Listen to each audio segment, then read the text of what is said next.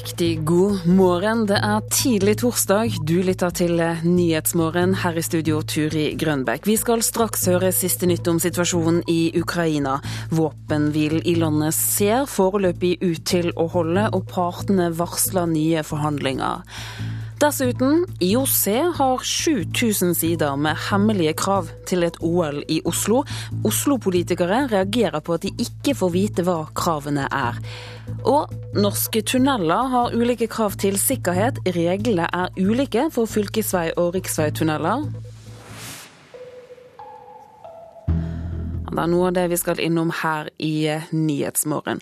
Men aller først så skal vi til eh, Ukraina, for det ser ut som om våpenhvilen holder. Erklæringen om en våpenhvile kom i går kveld etter et møte mellom presidenten, Viktor Janukovitsj, og tre av opposisjonslederne.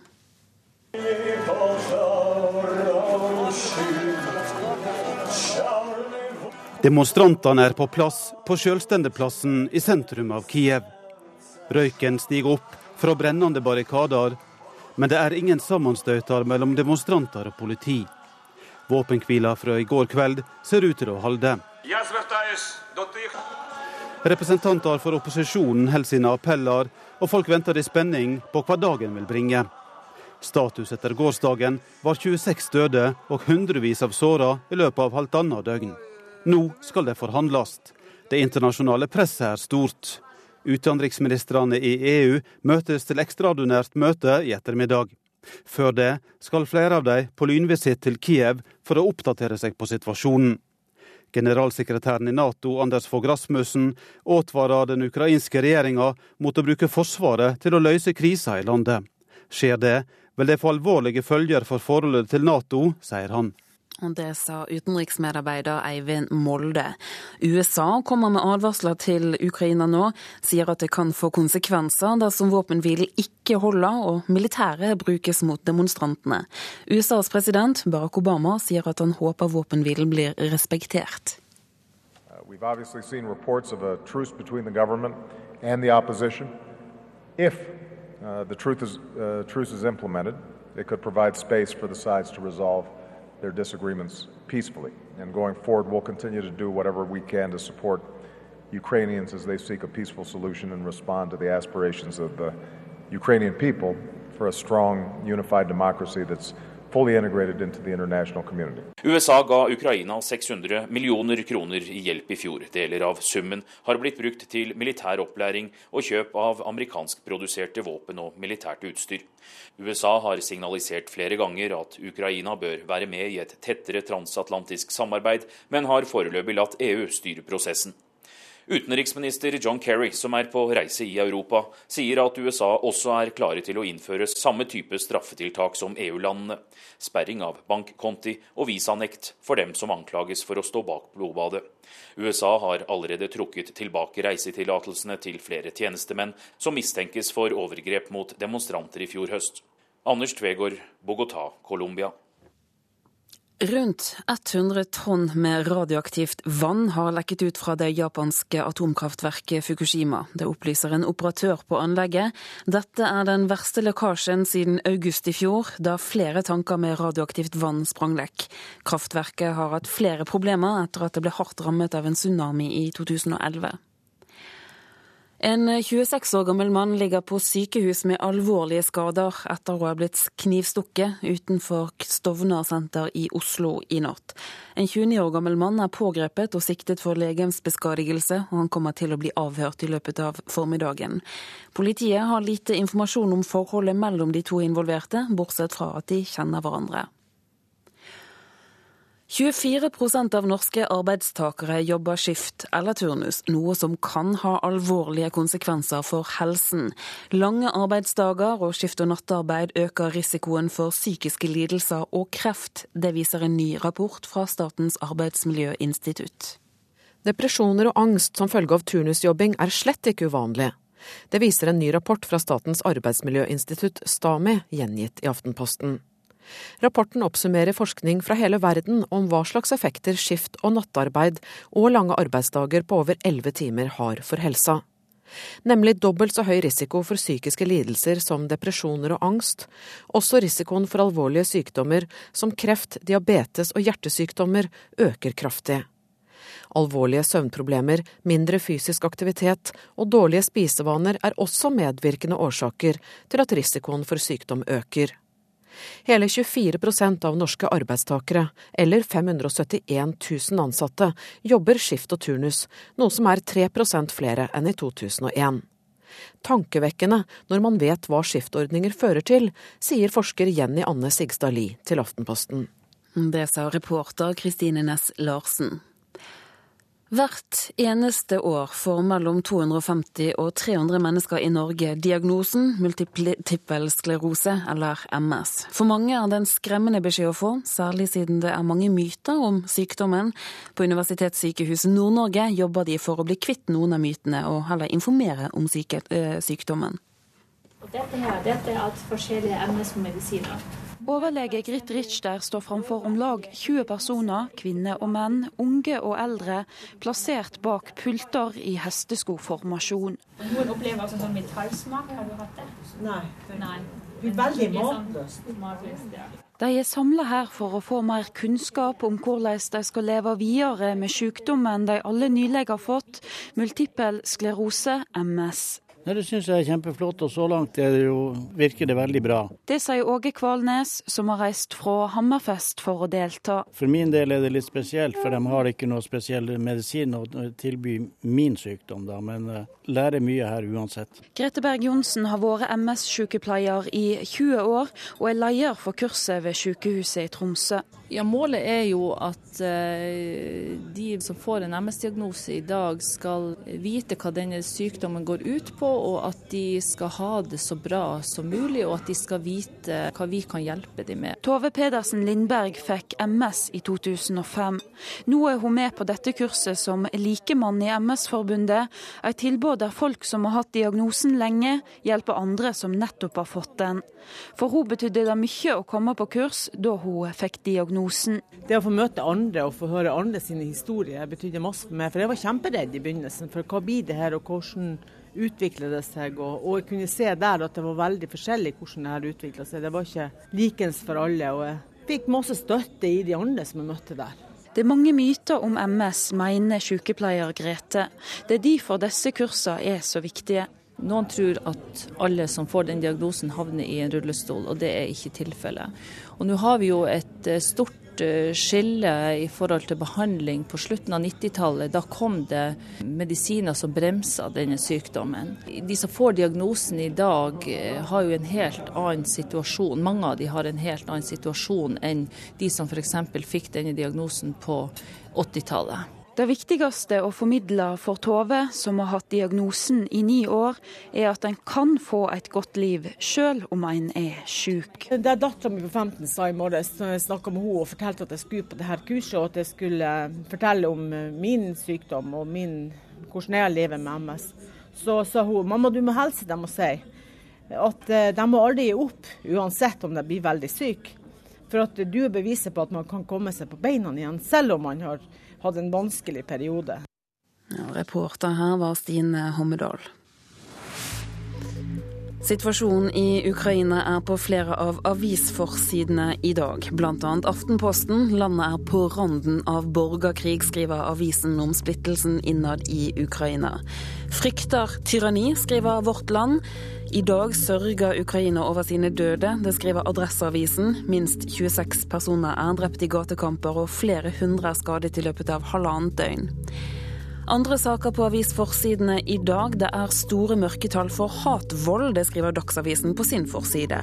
Politiet frykter at få tør å anmelde rasistisk motivert vold, vil senke terskelen for anmeldelser. Og på forsiden er et bilde av 54 år gamle Jakob Kuta som ble slått ned utenfor hjemmet sitt i Verdal forrige uke. Bibelkunnskap er i fritt fall blant barn og unge. Det viser en engelsk undersøkelse, og ifølge trosopplærere så ser vi den samme tendensen her i Norge, det skriver Vårt Land. På forsiden av Dagens Næringsliv blir oljeselskaper sammenlignet med hestevognprodusenter. Jeg skal la det være opp til avisen å forklare hvorfor. Nye EU-regler gir svakere helsekrav. Det er overskriften i Nasjonen. Dette handler om at Norge innfører EUs regelverk for sprøytemidler. Helsekriteriene er svakere enn dagens norske regelverk, ifølge avisen. Byutviklingsbyråden i Bergen er erklært inhabil i alle saker som gjelder boligbyggelaget BOB. Lammes av inhabilitet, det skriver Bergens Tidende. VG slår i dag opp OL-historiske Ole Einar Bjørndalen, som i går ble tidenes mestvinnende vinterolympier med i alt 13 OL-medaljer. Til VG sier han at han ble motivert av kongen. Marit Bjørgen roset opp i skyene på forsiden av Adresseavisen. Hun er et supert menneske, sier Ingvild Flugstad Østberg til avisen så pågår det det man kanskje kan kalle småmobbing av Sverige på forsiden av Dagbladet i dag. Det er en forsiktig opptelling av norske gullmedaljer i OL kontra svenske. I Oslo krever Carl I. Hagen og varaordfører Liberiba Moen å få innsyn i kravene fra IOC til et Oslo-OL i 2022. Den internasjonale olympiske komité har levert en liste på 7000 sider med krav som Oslo må innfri. Norges idrettsforbund holder foreløpig listen hemmelig. Det blir umulig å lage et realistisk budsjett uten at vi har sett listen, sier de to Oslo-politikerne. Vi har ikke fått innsyn i noen av de 7000 sidene med kravspesifikasjoner. Og masse av det burde være åpent, for det, når vi er det hemmelig, da er jeg mistenksom i likhet med journalister. Bystyremedlem i Oslo og tidligere leder i Frp, Carl I. Hagen, er fortørnet over at Norges idrettsforbund foreløpig ikke vil vise fram lista med krav fra Den internasjonale olympiske komité, IOC. Han mener åpenhet er viktig for å få avdekket krav om eventuelle utenomsportslige ytelser til IOC-medlemmer i forbindelse med et OL i Oslo. Og Hvis det er i kravspesifikasjonen at alle IOC-medlemmer skal ha hver sin Mercedes, de skal bo så og så fint og de skal ha så og så mye penger til mat og drikke, jeg er veldig mistenksom overfor IOC nå, jeg må innrømme det. Også varaordfører i Oslo, Libe Riber Moen, mener det bør gis innsyn i lista, ikke minst for å få vite hva kommunen skal budsjettere med. Ja, jeg syns jo at eh, vi Oslo-politikere bør ha innsyn i hvilke utgifter et eh, OL i eh, Oslo vil medføre, selvfølgelig. Og Norges idrettsforbund er i dialog med IOC om å offentliggjøre kravene. Det sier generalsekretær i Idrettsforbundet Inge Andersen. Vi har hatt en dialog med IOC om å tilgjengeliggjøre dette eh, som er eh, helt vanlig i Norge å gjøre. Og vi har en god dialog til, med IOC til det, og jeg er helt sikker på at svaret fra IOC blir positivt i forhold til det. Men Carl I. Hagen er ikke så optimistisk, og har liten tro på at politikerne vil få innsyn i kravene fra IOC. Nei, vi får jo ikke innsyn i dette. Vi har spurt om å få vite mer, og det får vi beskjed om at nei, det, det er hemmeligstemplet ja, fra IOC. Dette er jo en monopolinstitusjon som dessverre har greid å tilta seg en enorm makt. Varaordfører Libe Riber-Moen mener kravene fra IOC de siste årene har vokst til uakseptable høyder, og mener antallet bør reduseres kraftig. Som en generell betraktning så vil jeg vel si at den kravspesifikasjonen virker urimelig eh, stor. Forrige gang når vi søkte om OL i 1952, så var kravspesifikasjonen på kun to sider. Det er kanskje noe å bestrebe seg etter. Reportere her Fredrik Solvang, Harald Tingnes og Kristine Næss Larsen. Esten Nosæter, du er sportskommentator i Dagbladet. Vi vet altså ikke, men hvis vi skal spekulere, hva kan disse kravene gå ut på? Ja, I Lillehammer så var det vel eh, hvordan dynene skulle være. Edderkoppsdyn, nei, edderduns dyner. Nei, jeg tror ikke disse kravene er så veldig, veldig, spennende. Det er veldig mye morsomt her, men jeg tror ikke at de er så, så veldig spennende. Det som eh, er det håpløse, for Carl I. Hagen har jo selvfølgelig rett, eh, det, det må være et innsyn i, i, dette her. Og det håpløse er at eh, IOC bør gjøre det for å få det som de vil. Nå har det jo vært en omlegging, eller det er en omlegging på gang av IOC sin politikk i forhold til disse søkebyene. Den nye IOC-presidenten Thomas Bach har gjort det til sin viktigste sak. At nå skal OL fungere som et verktøy for den enkelte søkebyen til å få til det søkebyen ønsker. Eh, altså helt snudd på hodet. Tidligere var det IOC som kunne komme og, og, kreve. Nå sier man at nå er det byene som selv skal finne ut hva de kan bruke OL til for å lage en bedre by. Lage en bedre by, og dermed tiltrekke seg et større mangfold av søkerbyer? Ja, helt åpenbart. De ser jo nå at de får bare land med autoritært eller strenge regimer til å søke OL, eller i hvert fall det blir flere av disse. Men det blir for få av de vanlige vestlige demokratiene. Og det er jo et kjempeproblem for en organisasjon som lever av sponsorinntekter. Og disse selskapene ligger jo stort sett i land som, som har helt vanlig demokrati. Og så etter hvert så vil nok denne pengemakten faktisk presse fram en annen søkeprosess. Og da må det til mer åpenhet? Ja, helt åpenbart. Hva er det som gjør at IOC foreløpig i mange år har valgt å holde kortene tett i brystet? Ja, det, det, er faktisk litt, litt vanskelig å si. For det, stort sett så er jo dette her krav om detaljer på anlegg. Det betyr ingen verdens ting verken for, for deg eller meg, men det kan bety noe for for skiskytteren som er ute og skal, skal konkurrere, f.eks. Så, så det skulle ikke være noen grunn. I sin tid så, eh, så var jo det også en del ting til medlemmene, altså Ringenes herrer. Da, I Lillehammer så, som sagt, så var det jo ganske strenge krav, og vi var opptatt av at de skulle leve som småkonger rundt på herregårder på, eh, på Oppland, ikke sant. Eh, mens nå så, så er det som sagt en, et annet regime. Det tar tid før det blir noen full utluftning i IOC. Det kommer til å ta kanskje lengre tid enn, det, enn f.eks. OL i 2022. Men jeg tror at, eh, at Oslo-søknaden kommer til eh, å bli møtt med ganske mye velvilje, og at man kommer til å fire på krav underveis her. Hvorfor er det så viktig at offentligheten skal få innsyn? Ja, Det er helt åpenbart fordi vi, vi trenger kontroll over hva vi bruker fellesskapets penger til. Så det skulle jo bare mangle at vi ikke skal vite hva, hva dette budsjettet egentlig er. Men det høres ut som du tror at det går mot mer åpenhet på sikt? Eh, ja, det er jeg ganske sikker på. Men, men det er jo viktig at vi da underveis setter krav for å få denne endringen. Nå er jo ikke Norge noen stormakt akkurat i, i denne sammenhengen, men likevel så er vi den beste vintersportsnasjonen, og vi har innflytelse.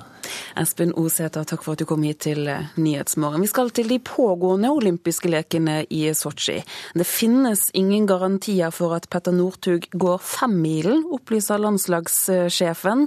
Vidar Løfshus ble ikke imponert over Northugs prestasjoner på gårsdagens lagsprint, og vil nå ta seg en prat med 28-åringen. Det er veldig vanskelig å si. Det var jo ikke noe det var jo ikke imponerende verken av Ola eller Petter. Vi får se. Det, vi må få tatt ut et lag. og Petter er jo en av dem som er igjen her for å gå femmila, så får vi se om han stiller på start på søndag. Landslagssjefen føler seg altså fortsatt ikke trygg på at Petter Northug er i medaljeform for OLs siste langrennsdistanse. Hovedpersonen selv gikk Norge inn til en fjerdeplass på lagsprinten i går, men føler seg klar for femmila. Progresjonen har vært bra her, så bare ta vare på den uh, følelsen nå fram mot femmila. Men klart det det er tøff femmil her, og man er spent på vær og føre, hvordan det blir. For selv om toppformen har latt vente på seg, vil Northug satse alt på de siste 50 km i Sotsji. Man må ligge oppe her og, og kjempe om medalje til det stopper. Det er ikke noe vits å ligge i gruppe bak. Da det er bedre å reise hjem. NRK-ekspert Carl Henning Gran er usikker på hvor langrennsstjerna står foran femmilsuttaket. Vanskelig å si. Petter tror jeg egentlig bestemmer det veldig mye sjøl i forhold til formen eh, sin. Og hvis Petter sier at han er ikke 100% draget til å gå noen skikkelig femmil, så, så sier han helt sikkert fra til landslagsledelsen. Nå må Northug selv gi tilbakemelding på om han føler seg god nok til å kjempe i toppen. Det er vel noen som er mer sikre enn andre, men vi diskuterer hele tida med Petter i forhold til hvordan han føler seg, om han skal gå, hvilken distanse han skal gå. Så vi tar en gang om gangen. Reporter i Sotsji er Mats Håby. Klokken er 6.49. Du lytter til NRKs Nyhetsmorgen. I dag har vi bl.a. disse hovedsakene. I Ukraina ser våpenhvilen ut til å holde. Hvis den ikke holder, så kommer det advarsler om konsekvenser, bl.a. fra USA. Oslo-politikere reagerer på at 7000 sider med krav til Oslo-OL holdes hemmelig og bli med oss videre i sendingen, for det har blitt trendy å knirke. Med stemmen, altså. Knirkestemme er den nye trenden blant unge. Forskere tror det kommer fra popkulturen. Nå først skal vi snakke vei. Tunneler på fylkesveiene har blitt mye dårligere sikkerhetsutstyr enn tunneler på riksveiene. Samferdselsdepartementet har hittil brukt over fire år på å bestemme seg for om det skal innføre felles sikkerhetskrav for, for både riks- og fylkesveier. Mangel på fellesregler går utover tunnelene på fylkesveiene. Det sier Kristian Forsmo, som jobber med sikkerhet i tunneler for Statens vegvesen i Nord-Norge. Det blir varierende grad av, av eh, sikkerhetsutstyr. For Forskriften han, han eh, legger føringer på, på alt fra nødtelefoner og belysning og, og, og slukkevann. Eh, noe som vi, vi, burde ha i, i alle tunneler. Og, og, Når vi ikke har noe, noe entydig krav på, på fylkesvei, så, så, blir det også varierende standard. Og Samferdselsminister Ketil Solvik-Olsen sier han vil ha på plass et regelverk som er likt, og at han håper på en snarlig løsning. Dette er en sak som har ligget altfor lenge i departementet, og vi jobber med den for å, for å få forskriften ut i livet. Det finnes i dag en god forskrift på sikkerhet i tunneler på riksveier, og det er jo helt naturlig at en bør behandle den for fylkesveier. Men dette vil koste fylkeskommunene svært mye. Vil de få penger fra staten dersom dere nå bestemmer at det skal være samme type regelverk? Det er nettopp der utfordringen ligger. at Skal vi pålegge flere oppgaver, så må det òg komme finansiering med. Vi fikk ikke sjansen til å gjøre den endringen i budsjettet for inneværende år, men jeg jobber for å få det på plass for uh, budsjettåret 2015. Reporter var Lars Egil Mogård. I dag starter rettssaken mot Al-Jaziras journalister i Egypt. De er tiltalt for å ha spredd falske nyheter og hjulpet en terrororganisasjon. Journalistene har sittet fengslet siden desember i fjor. De risikerer sju år i fengsel dersom de blir funnet skyldig. Midtøsten-korrespondent Sigurd Falkenberg Mikkelsen har mer fra Kairo.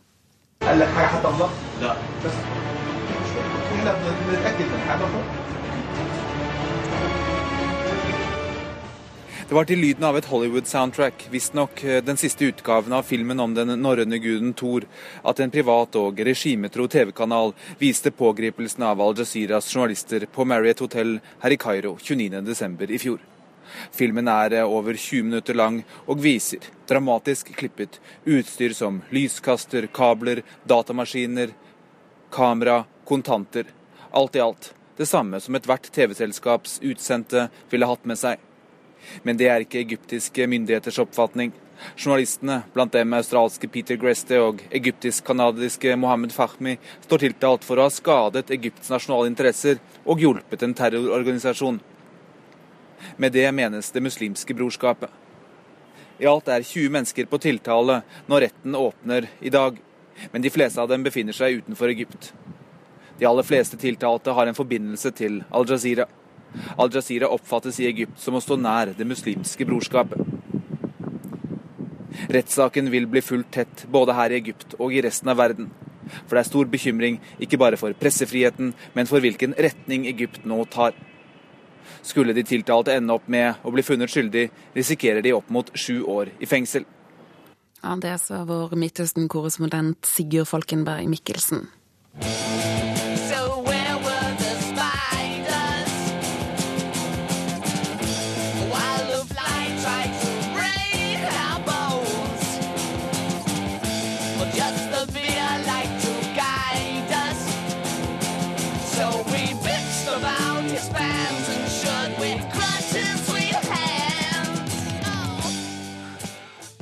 Ziggy Stardust med David Bowie har rukket å bli over 40 år gammel, denne låten. Men i går kveld ble Bowie tildelt prisen for beste mannlige soloartist under Brit Award i London. 67-åringen begynte karrieren på slutten av 60-tallet, og han er den eldste som har mottatt prisen noensinne. Indiebandet Arctic Monkeys stakk dessuten av med to av kveldens gjeveste priser. Beste album og beste britiske band. Arctic Monkeys er det første bandet som har vunnet disse prisene hele tre ganger. Det å bruke knirkestemme, såkalt vocal fry, det er en ny trend blant unge, fortrinnsvis jenter. Fenomenet kommer fra USA og stjerner som eh, Britney Spears og Paris Hilton. Unge etterligner alltid forbildene sine og deres måte å prate på. Det sier språkforsker Arne Kjell Foldvik, som nå også ser knirketendenser i Norge. Ja, det er, jo, det er jo det som skjer hele tida. ikke sant? Unge mennesker de etterligner ikke oss gamle, de etterligner eh, de unge. Sier språkforsker Arne Kjell Follvik. Ja, ja, ah, ah. Knirkestemme, eller såkalt vocal fry, er en snakkis i USA. America's young women are running out of oxygen. What else could explain why so many of them sound like this? Forskere mener at unge jenter er i ferd med å tilegne seg en egen måte å snakke på, med en hes, knirkete stemme mot slutten av hver setning. Flere tror tendensen er nedarvet fra superstjerner som Britney Spears, Kim Kardashian og Paris Hilton. Hør på dette. Just kind of like my you know, motto, you know, motto. I'm not staying here tonight, tonight. The only reason why I'm going is just to like network, network. Det, det har blitt stadig mer og mer knirkestemme. Sier Folvik. Han ser også klare tendenser til knirkestemme blant de unge i Norge. Han mener at knirkestemmen kan være forbundet med dialekt, men at det også er noe vi gjør for å signalisere en selvsikkerhet. At unge ubevisst etterligner forbildene sine og deres måte å prate på, er helt naturlig. Både når det gjelder språk og uttale, forteller Follvik. Og det blir mer og mer eh, aksept for det. Vi hører det i, i eh, NRK f.eks. NRK-medarbeidere i gamle dager de knirka ikke. Unge medarbeidere nå i P3 f.eks. de knirker jo for fullt. Hei, kjære venn, og velkommen hit til meg i dag. Det er ikke sånn at jeg har sett på Katy Perry og tenkt at jeg skal bli sånn. P3-programleder og musikkanmelder Kristine Danke mener ikke selv hun har knirkestemme, men kjenner til denne måten å prate på. Nei, det, Jeg kan liksom ikke tenke meg noe annet enn at kanskje de tenker at det høres litt sexy ut. Hun kjenner også igjen knirkingen fra populærmusikken. Det er jo som det blir sagt på sånne forklaringsvideoer, at det høres ut som sånn Britney og Kesha synger på mange av versene i låtene sine. Baby, can't you see I'm calling? A guy like you should wear a men har Danke eksempler på noen norske personer som snakker slik? Vet ikke, Kanskje hun Sofie Elise på bloggerne, hun ene som er med i en sånn TV 2 Bliss-serie. Hun, hun snakker, jo, snakker, jo, litt sånn Her hører du Sofie Elise Isaksen i et intervju med mannebladet FHM. Så tenker jeg bare ja, hva gjør det, liksom? Det påvirker jo ikke min hverdag om det hadde vært meg, liksom. Altså, det er ikke det verste som kan skje, at noen syns jeg er så fin at de liksom har så lyst på meg. Så jeg skjønner ikke hvorfor det skal være en negativ ting. Det er så teit når folk kommer med det som argument. Det er ikke så lett å finne ut av hva det noe, hva det er for noe som ligger bak det. er Sikkert noe de ikke tenker bevisst over når de gjør det. Reporteren var Christian Ingebretsen. Her i Nyhetsmorgen skal vi ta med oss et værvarsel. Det gjelder frem til midnatt. Fjell i Sør-Norge, der blir det økende til sørøstlig liten storm utsatte steder utover ettermiddagen. Det, gjelder fra vest og i kveld også i nord, og etter hvert så blir det snø fra sør. Østlandet, Telemark får det meste oppholdsvær, stedvis litt sol. Fra sent i ettermiddag sørøstlig frisk bris på kysten. Litt snø, i kveld økende nedbør. Agder i formiddag økning til østlig periodevis liten kuling utsatte steder. I ettermiddag stiv kuling vest for Oksøy, i kveld fra sørøstlig retning. Det blir snø og sludd, i kveld regn på kysten. Rogaland økning til sørøstlig stiv kuling, fra i ettermiddag opp i liten storm. Fra i formiddag snø, det blir sludd og regn på kysten. Hordaland og Sogn og Fjordane økning til østlig liten kuling, fra i ettermiddag sørøstlig stiv kuling, i kveld sterk kuling i Hordaland. Etter hvert litt snø, sludd og regn på kysten. Møre og Romsdal pent vær, i kveld sørøstlig liten kuling, mulighet for litt sludd eller snø på Sunnmøre. Trøndelag økning til sørøstlig frisk bris, fra i kveld sterk kuling og pent vær. Nordland i kveld sørøstlig stiv kuling utsatte steder på Helgeland. Ellers bris, for det meste pent vær. Mer skyet i Lofoten, Vesterålen og grensetraktene. Troms østlig frisk bris på kysten i nord, ellers bris og etter hvert opphold og mulighet for sol. Finnmark periodevis østlig liten kuling. I utsatte kyst- og fjordstrøk ellers bris, og det blir spredte snøbyer på kysten i øst. Og Norensjøland på Spitsbergen sørøstlig liten kuling utsatte steder og spredte regnbyer. Temperaturer målt klokken fire viser minus tre på Svalbard, Kirkenes minus elleve, Vardø minus fire, Alta minus åtte, minus to i Tromsø, Bodø minus tre, Brønnøysund minus to.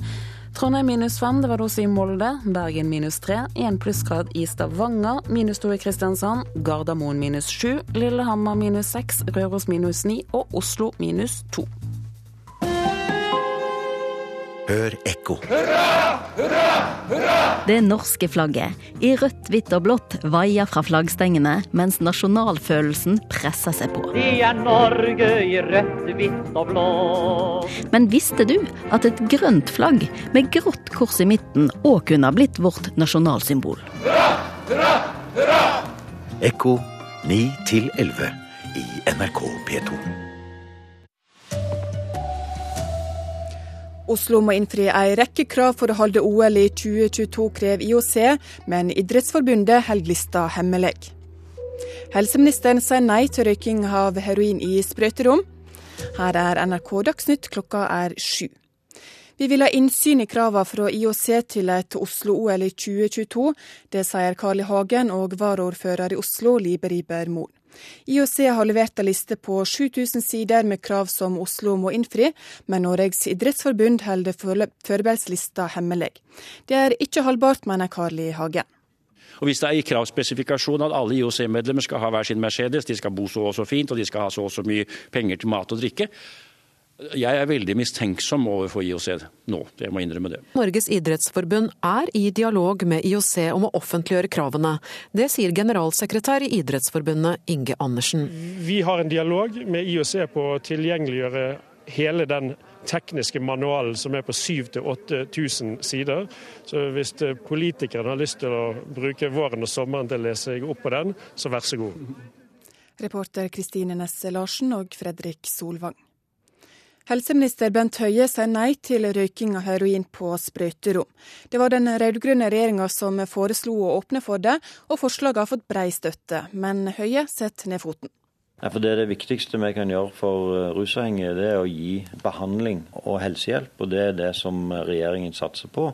Det å åpne for å eh, legalisere røyking av heroin på sprøyterommet vil bare innebære at vi lager sprøyterommet til en, en plass der det blir lovlig å bruke Eh, narkotika som ellers i samfunnet er forbudt. I Ukraina ser det ut til at demonstranter og politi har respektert våpenhvila i natt. Erklæringa kom i går kveld etter et møte mellom president Viktor Janukovitsj og tre oppos opposisjonsledere. Partene varsla nye forhandlinger, og presidenten sa at han ikke ville sette i verk nye angrep mot demonstrantene på uavhengighetsplassen i Kiev. Politiet i Vestby leter etter to personer som er mistenkte for sigarettsmugling. De to stakk først av fra en tollkontroll. Det forteller operasjonsleder Jarl Andersen i Follo-politiet. Nei, En bil som har unndratt seg kontroll inne på Ørje. Og så fanger vi den bilen opp inne hos oss ved Elvestad. Og så stakk den, og så kjørte den ut på et jorde, og to personer løp. Nå leter vi den eh, etter de eh, to personene som løp. Leter med hund og helikopter, samt biler. Ja, det sa Jarl Andersen i Follo-politiet. NRK Dagsnytt var ved Ingvild Ryssdal.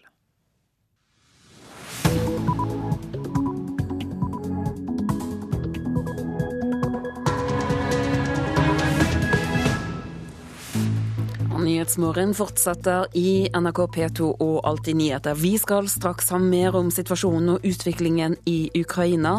Det blir dessuten mer om at helseministeren sier nei til røyking av heroin i sprøyterom. I Ukraina er det nasjonal landesorg i dag. Det blir begravelser av de som ble drept i sammenstøt på Maidanplassen denne uken. Natten nå den har forløpt rolig, uten alvorlige sammenstøt. Og For få minutter siden snakket vi med vår korrespondent Hans-Wilhelm Steinfeld, som er i Kiev. Han tror at de internasjonale formaningene bare delvis vil ha en effekt. Jeg tror ikke formaningen av typen Carl Bildt i Sverige om at Janukovitsj har blod på hendene, virker Men Jeg tror at han lytta til utspillet fra Vladimir Putin og Angela Merkel i går, der de to sammen mener at de må gjøre et initiativ for å få stanset volden her. Roer det ukrainske samfunnet seg eh, i ettertanke i dag?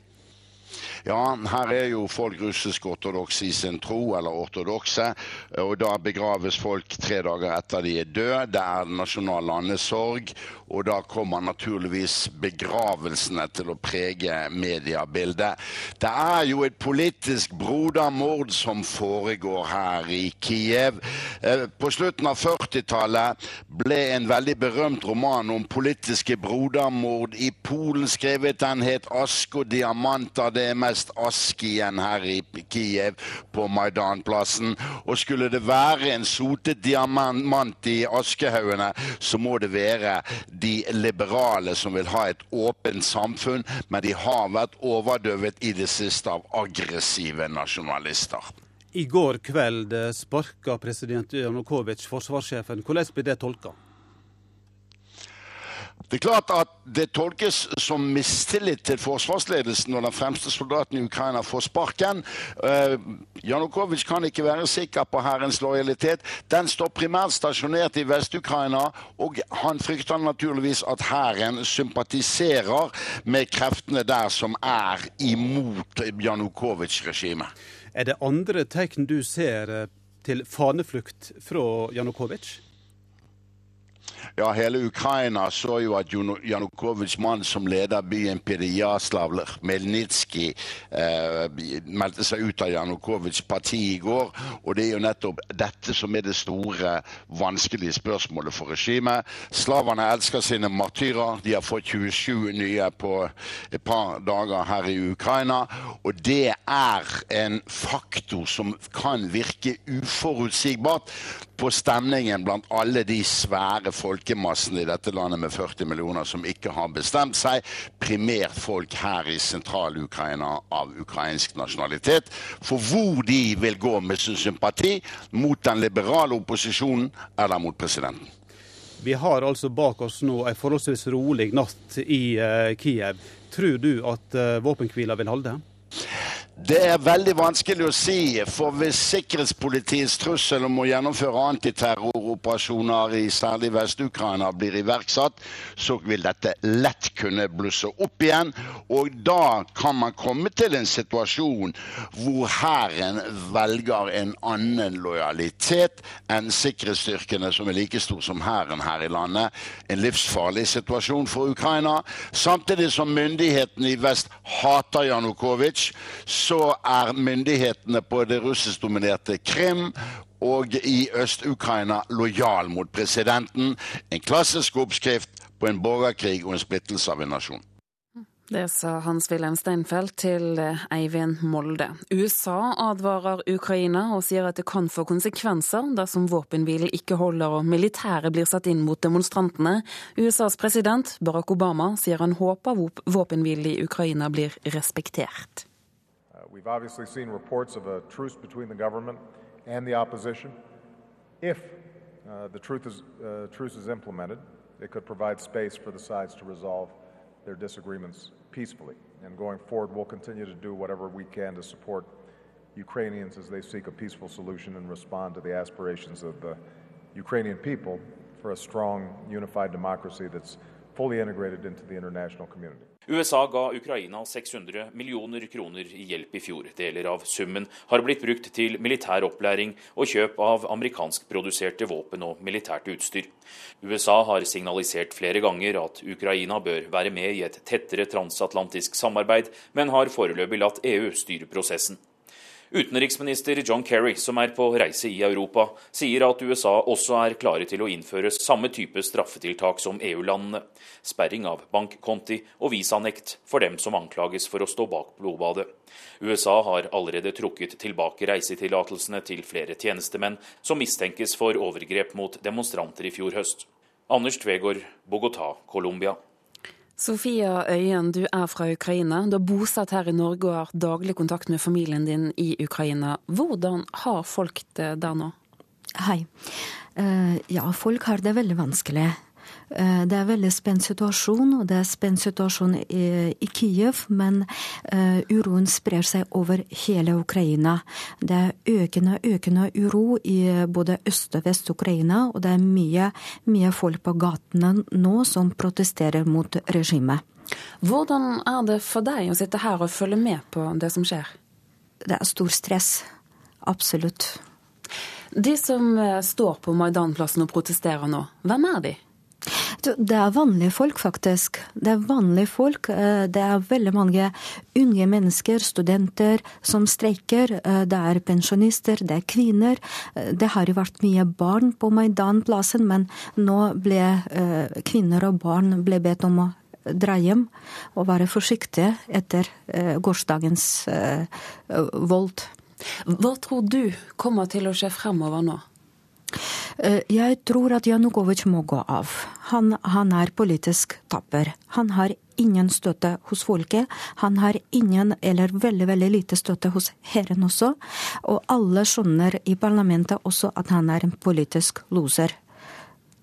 Men det høres foreløpig ikke ut til at han har tenkt å gå av selv? Nei, men da må han få hjelp til å gå av. Det er det vi det er, det, det er derfor folk er på gatene nå. Du nevnte hæren, de militære. Hvordan stiller de seg til det som skjer nå?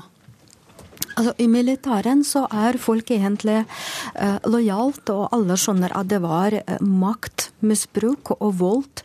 Og um, det er derfor egentlig Janukovitsj eh, sparket, eh, sparket eh, nåværende, nåværende eh, over, overordnede og skiftet til en lojal mann som er ja, trofast bikkje, rett og slett. Og med håp at eh, militær skal beskytte ham, men det skjer ikke. Det er ulike stemmer nå som frykter at eh, volden kan eskalere, at det går mot en borgerkrig. Hva tror du? Jeg håper ikke det skjer, men det er det store spørsmålet nå. Hva skjer videre? Eh, fordi Janukovitsj innleid eh, såkalte tutorske. Det er rett og slett betalte provokatører som lager mye bråk og uro, og ikke bare betalt, men han gitt dem våpen så det er veldig mye eh, uro eh, i gatene. Og han, han sponser fortsatt alle disse grupperinger som lager bråk.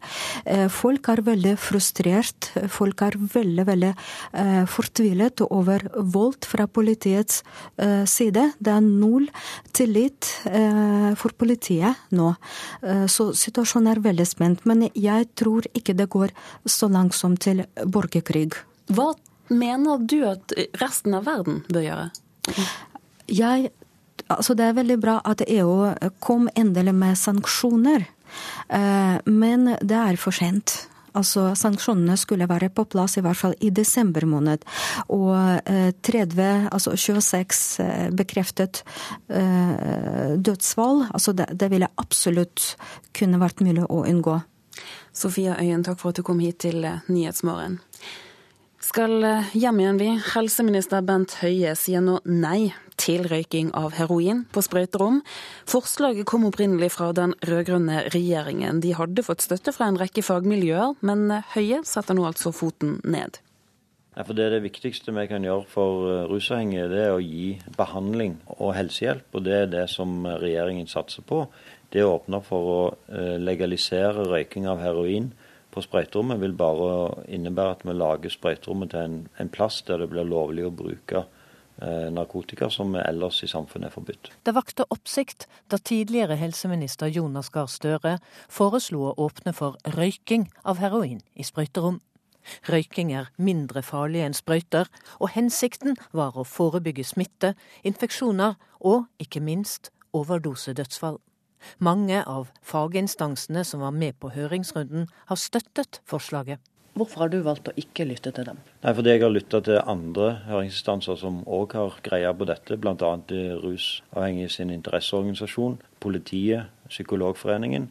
Så både sterke faglige, juridiske og òg brukerorganisasjoner har advart mot dette, og de har jeg lytta til. Det er foreløpig bare Oslo som har sprøyterom og det var et flertall i bystyret i hovedstaden som tok initiativ til å endre loven, slik at også heroinrøyking kunne tillates. Grunnen er at vi vil redde liv.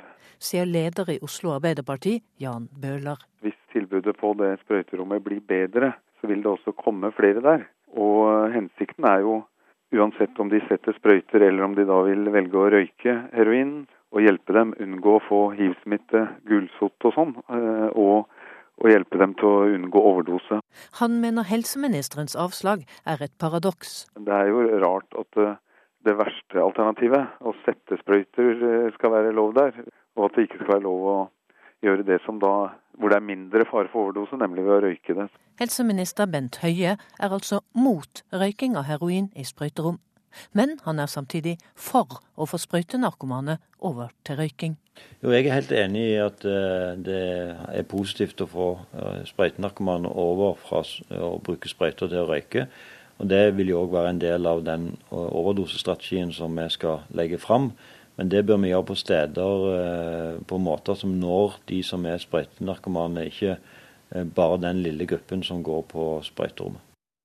Reporter var Katrin Hellesnes. Jon Storås, du er daglig leder i Rusmisbrukernes interesseorganisasjon, og du er enig med Bent Høie i denne saken. Hva er det som gjør at dere ikke synes det er en god idé å tillate røyking av heroin på sprøyterommene? Fordi det finnes så mange andre store utfordringer i rusfeltet som også har med overdosestrategier å gjøre.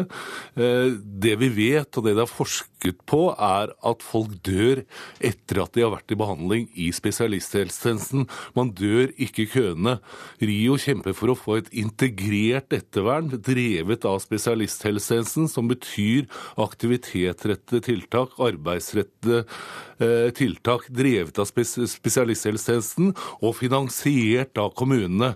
Tjenestene henger ikke sammen i dag, og da vil man unngå en rekke eh, overdoser. Vi tror ikke på at dette tiltaket om røyking på heroin vil ha noe effekt i det hele tatt. Det er å på en måte få bort fokuset fra det som er viktig i rusfeltet. Du har kontakt med rusmisbrukere daglig. Hva sier de du møter? Ja, De syns, tror heller ikke noe på det. Eh, de som da bruker heroin, de tror heller ikke på at det vil få noe effekt. Men selvfølgelig så finnes det unntak. Folk som ikke har eh, årer igjen, de vil jo på en måte Eh, ha, bør da kunne få i seg heroin ved å røyke det. Eh, og alle er enige om at å røyke heroin er mye smartere enn å injisere det. Men det er en grunn til at folk injiserer. Det er billigere, og det gir bedre effekt. Hva med argumentet om at dette kan forebygge overdosedødsfall? Eh, jeg tror ikke noe på det. Ikke, det. det. er jo ikke dokumentert at sprøyterom i seg selv heller forebygger overdosedødsfall. Men at folk røyker heroin framfor å injisere det, så vil det bli færre overdoser hvis alle røyka istedenfor å injisere. Ja, det vil det. Dere etterlyser, som du sier, et bedre ettervern. Hva er det konkret du tenker må på plass? Det som må på plass, er eh, dette såkalte ettervernet som hele rusfeltet er eh, opptatt av. Og så er ettervern dårlig definert, men det handler om å legge til rette for aktivitetsrettede tiltak og arbeidsrettede tiltak. Dette er det også forsket på. Dette gjør vi ingenting av, eller i hvert fall veldig lite av. Det koster mye mer, mindre penger enn at rusavhengige løper fra masse kommunale tjenester over i spesialisthelsetjenesten og tilbake igjen. Kan du gi et eksempel, sånn at jeg er sikker på at du forstår hvordan det burde fungere? Poenget er at du og jeg og alle andre mennesker i dette eh, landet og i hele verden, vi utvikler oss i samspillet med andre mennesker gjennom aktivitet. Dette gjelder også rusavhengige. Folk trenger hjelp inn i ulike typer aktiviteter med bakgrunn i egne interesser og ressurser. Og det virker, det vet vi. Vi har mange beviser på det. Så hva tror du fremover, da? Med helseministerens utspill nå? Jeg tror at de ønsker å legge denne ballen død. Eh, jeg, men denne diskusjonen kommer til å blomstre opp igjen. Jeg har vært i media gjennom 15 år, og sprøyterom og heroinassistert behandling har vært tema i 99% av tilfellene. Vi ønsker å flytte temaet over på det som er viktig. Så får vi se om eh, dere lykkes nå. Jon Storås, daglig leder i Rusmisbrukernes interesseorganisasjon, takk for at du kom hit til Nyhetsmorgen. Klokken er nå rukket å bli 7.18. Hovedsaker nå. Ukraina. Der er det nå nasjonal landesorg over alle som har mistet livet og er skadet i opptøyene. Som vi hører, helseministeren sier nei til røyking av heroin i sprøyterom. Bli med oss videre i sendingen. Vi skal bl.a. til Brasil, som lover å utnytte norske regnskogmilliarder bedre. Men eh, nå først skal vi til Nord-Korea, der rundt 100 sørkoreanere er på vei over grensen til nord. For i dag åpner Nord-Korea opp for familiegjenforeninger mellom nord- og sørkoreanere. I seks dager kan utvalgte familier som har vært separert på hver sin side av grensen siden Koreakrigen, endelig få møtes. Geir Helgesen, du er kultursosiolog ved Nordisk institutt for Asiastudier i København. Denne gjenforeningen, hva sier det om forholdet mellom mellom de to landene nå? Ja, Det sier jo to ting. Det sier at akkurat nå har vi et eh, positivt pluss. De snakker sammen, og de kan uh, avtale et møte for utvalgte folk i en kort periode. Men det sier jo også at forholdet er forferdelig dårlig og umenneskelig, fordi det er et land som er delt i to, hvor millioner ikke har mulighet for å verken besøke hverandre eller å snakke sammen. Det er en humanitær katastrofe, kan man si. Den, denne humanitære katastrofen den gjelder jo også en del mennesker som rett og slett begynner å bli gamle? Ja, øh, en del av dem tilhører jo nå evigheten og ikke vår verden.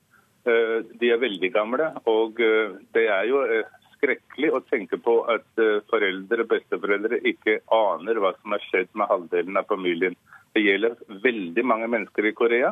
Og det er faktisk selvfølgelig eh, først og fremst Nord-Korea, som er et lukket land, og som er en vanskelig eh, sak å håndtere. Men vi skal huske på at det er heller ikke mulig for sørkoreanere som får tillatelse til å reise til Nord-Korea, å reise pga. den sørkoreanske regjering. Så det er et veldig betent forhold den, på den koreanske halvøya. Og uh, i virkeligheten burde jo uh, verdens sivilsamfunnet blande seg litt her og, og, spørre om ikke det var mulig å, å, få flere enn 100 familier eller 100 personer i seks dager til å, å snakke sammen igjen. Ja, Mer konkret, hva tenker du verdenssamfunnet burde gjøre? Ja, nå går vi jo veldig opp i den FN-rapporten som har kommet om uh, umenneskelig behandling av uh, folk i fangeleirer og fengsler. Og det er selvfølgelig all mulig grunn til å gjøre det. Men man gjør det ved å fordømme regimet i Nord-Korea, ved å isolere dem ytterligere og stramme embargo.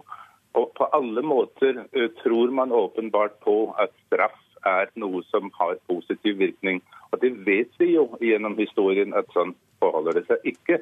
Det er liksom med barn. Hvis du slår dem veldig mye, så blir de ikke veldig flinke.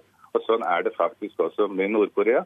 Så vi må i dialog med Nord-Korea om de ting som bekymrer oss og verdenssamfunnet. Det er den eneste veien fram. Og det fikk den sørkoreanske presidenten Kim Dae-jong Nobels fredspris for å si for eh, en del år siden, og det er stadig sannhet. Har du noen formening om hva som gjør at dialog med Nord-Korea er tydeligvis da litt vanskelig? Ja, det har jeg veldig mange meninger om, og det kunne jeg snakke om i timevis. Men først og fremst dreier det seg om at den kalde krigen som er avlyst stort sett i hele verden, ikke er avlyst i, på den koreanske halvøya. Det er stormaktsinteresser på alle sider som er med til å gjøre tingene forferdelig vanskelig. Og så er det det med isolasjonen av Nord-Korea. Det er veldig problematisk at et land ikke har normale forhold, normale relasjoner med omverdenen, fordi det påvirker den måten de agerer på. Og de blir ved med å gjøre ting som betraktes som Eh, negativt og, og, på alle måter uh, urimelig i, resten av verden. Bl.a. fordi at de ikke har lært å være en del av det internasjonale samfunn. Det er ikke normale relasjoner mellom Nord-Korea og resten av verden. Geir Helgesen, vi må si takk for at du var med oss i Nyhetsmorgen. Rundt 100 tonn med radioaktivt vann har lekket ut fra det japanske atomkraftverket Fukushima. Det opplyser en operatør på anlegget. Dette er den verste lekkasjen siden august i fjor, der flere tanker med radioaktivt vann sprang lekk. Og kraftverket har hatt flere problemer etter at det ble hardt rammet av en tsunami i 2011. I Nigeria ble minst 47 mennesker drept i en by nordøst i landet i går, ifølge lokale tjenestemenn. Den ytterliggående islamistene i gruppen Boko Haram mistenkes for å stå bak. Angriperne skal ha skutt mot en skole og ødelagt palasset til en lokal tradisjonell leder. Det har vært flere andre lignende angrep på sivile i denne delen av Nigeria den siste tiden. Facebook fester et stadig større grep om nettbasert kommunikasjon. I går opplyste selskapet at de kjøper meldingstjenesten WhatsApp for 115 milliarder kroner. Formålet med kjøpet er bl.a. å nå ut til et yngre publikum, melder nyhetsbyrået Reuters. På sin egen nettside skriver Facebook-grunnleggeren Max Zuckerberg at én million nye brukere registrerer seg på WhatsApp daglig. Da er tiden inne for å se nærmere på dagens avisforsider. Det er situasjonen i Ukraina som preger, preger flere av avisene i dag. Landet er på randen av borgerkrig, skriver Aftenposten. I dag sørger Ukraina over sine døde, skriver Adresseavisen. Minst 20, 26 personer er drept i gatekampene de siste dagene. Her hjemme er det store mørketall for hatvold. Det skriver Dagsavisen. Politiet frykter at få tør å anmelde rasistisk motivert vold. Og på forsiden av avisen er det et bilde av 54 år gamle Jakob Kuta som ble slått ned utenfor hjemmet sitt i Verdal forrige uke. Bibelkunnskap er i fritt fall blant barn og unge, viser en engelsk undersøkelse. Og ifølge trosopplærere her hjemme ser vi den samme tendensen i Norge, skriver Vårt Land. Nye EU-regler gir svakere helsekrav. Det er overskriften i Nasjonen. Dette handler om at Norge innfører EUs regelverk for sprøytemidler. Helsekriteriene er svakere enn dagens norske regelverk, skriver avisen. Byutviklingsbyråden i Bergen er erklært inhabil i alle saker som gjelder boligbyggeselskapet BOB, lammes av inhabilitet. Det skriver Bergens Tidende. VG slår opp OL-historiske Ole Einar Bjørndalen, som i går ble tidenes mestvinnende vinterolympier. Han har nå i alt 13 olympiske medaljer, og til VG sier han at han ble motivert av kongen. Marit Bjørgen blir rost opp i skyene på forsiden av Adresseavisen. Hun er et supert menneske, det sier Ingvild Flugstad Østberg til avisen. Og så tar vi med at det pågår eh, småmobbing av Sverige på forsiden av Dagbladet i dag. En forsiktig opptelling av norske gullmedaljer i OL kontra svenske viser at det er Norge som foreløpig kommer best ut. Det har altså Dagbladet gjort et toppoppslag av. Brasil lover bedre utnyttelse av de norske regnskogmilliardene. I møte med utenriksminister Børge Brende i Rio sier brasilianske myndigheter at nye miljøprosjekter nå skal komme raskere på plass. Bare en liten del av de norske regnskogpengene er hittil blitt brukt. Arnt Stefansen følger utenriksministerens besøk i Brasil.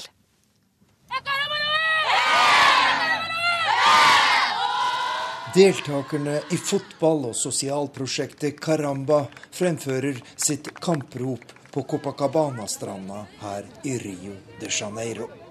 Prosjektet, som ledes av nordmannen Tommy Nilsen, har gitt et bedre liv til tusener av barn og unge fra Rios slumområder, og utenriksminister Børge Brende er full av beundring for det arbeidet som gjøres. Det er jo noe av det mest meningsfylte som kan tenkes. Så eh, Tommy her bl.a. er jo eh, en som fortjener all mulig honnør, og også støtte fra norske myndigheter. Vil dere fortsette å støtte prosjektet? Dette syns jeg er en av de um, flotteste prosjektene eh, jeg har sett i Brasil. Hvis Norge fortsatt er ønska som en eh, partner av Tommy og disse, så stiller vi opp. Før møtet med Caramba hadde utenriksministeren samtaler med ledelsen i BNDES, den brasilianske utviklingsbanken. BNDES administrerer en av de største norske miljøsatsinger noensinne. Et prosjekt til 1 milliard dollar, der målet er å stanse ødeleggelsen av regnskogen i Amazonas. Men bare en liten del av pengene er blitt brukt pga. mangel på gode prosjekter. Visepresident Wagner Bittencourt i BNDES lover bot og bedring. Dette handler mye om erfaring, og til nå har vi brukt mye tid på å bygge opp et system som kan fungere. Nå føler vi at vi har den rette organisasjonen og de rette folkene, slik at alt ligger til rette for at mye skal skje i tiden fremover, sier han. Then we discussed the possibility of having Norsk næringsliv har investert stort i Brasil, og Norge er nå den sjuende største utenlandske investoren her i landet.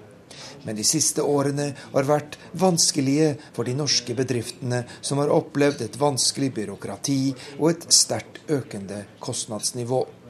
Eier og leder av Doff-gruppen, Helge Møgster, som har satset på offshorevirksomhet her i Brasil, sier det slik. Jeg er ikke sikker på at vi hadde satsa så eh, knallhardt som vi har gjort hvis vi hadde visst alle, eh, alle problemene som vi kom til å møte på. Men eh, det viser seg jo at hvis man har tålmodighet og, og står på, så går det an å løse problem her òg. Reporter i Brasil var Ann Stefansen. Og du lytter til eh, Nyhetsmorgen. Det er straks klart for siste nytt fra Dagsnytt.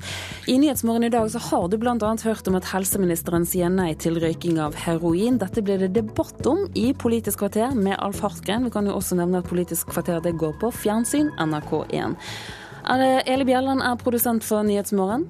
Her i studio, Turi Grønbekk.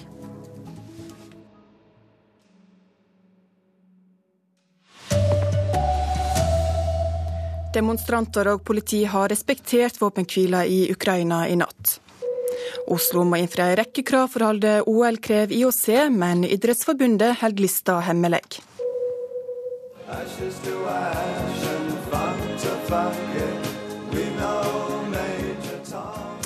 David Bowie fikk prisen for beste mannlige soloartist under Brit Award.